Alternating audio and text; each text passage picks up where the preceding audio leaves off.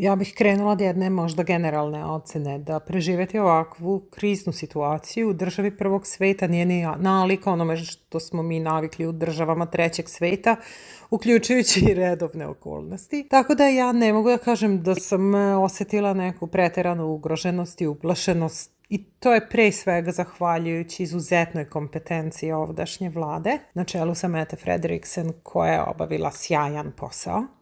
Trenutno u Danskoj su na snazi još neke mere, naravno, pre svega zabrana okupljanja više od 10 ljudi na jednom mestu, obavezno držanje distance, e, higijena ruku, nedodirivanje lica su i dalje osnovna preporuka, a maske su preporučene da se nose ukoliko imate simptome i u izuzetno malim prostorijama i u javnom prevozu. Što se tiče ostalih mera, ove nedelje su otvorene e, prodavnice, sve osim e, prodavnica sa prehrambenim proizvodima koje su naravno radile, a od nedelje se najavlja otvaranje restorana i kafića.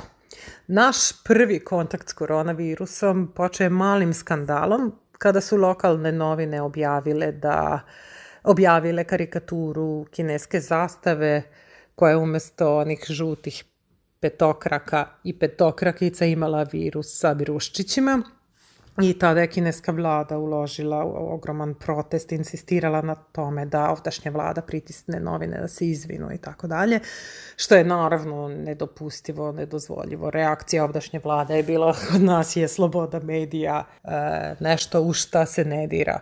Neposredno posle toga smo imali direktan e, susred sa sve većim brojem e, zaraženih kada su i uvedene mere, što zdravstvene, što socijalne, tako će, na primer, e, danska vlada pokriti 75% plata zaposlenih u privatnom sektoru čiji su biznisi ugroženi direktno koronavirusom i tako dalje. Što se mog lično života tiče, radim inače od kuće, e, obavljam kupovinu uglavnom online. Ja mislim da u prodavnici prehrambenih proizvoda nisam bila pet meseci sigurno. I imali smo zaista predivno vreme. Potpuno netipično za dansko proleće koje je otprilike kao naša kasna jesen.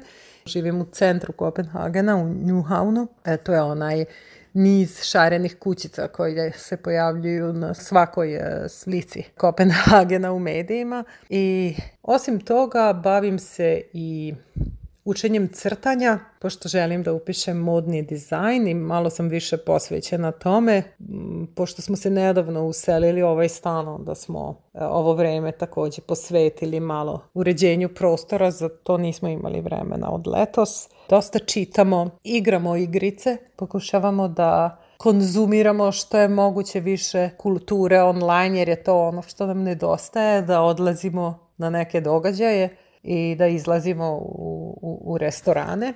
Ono što nam sigurno nedostaje i nedostajaće nam uh, su putovanja i zaista se nadam da će neko što pre savladati ovu malu beštiju i vratiti nam naše živote u potpunosti.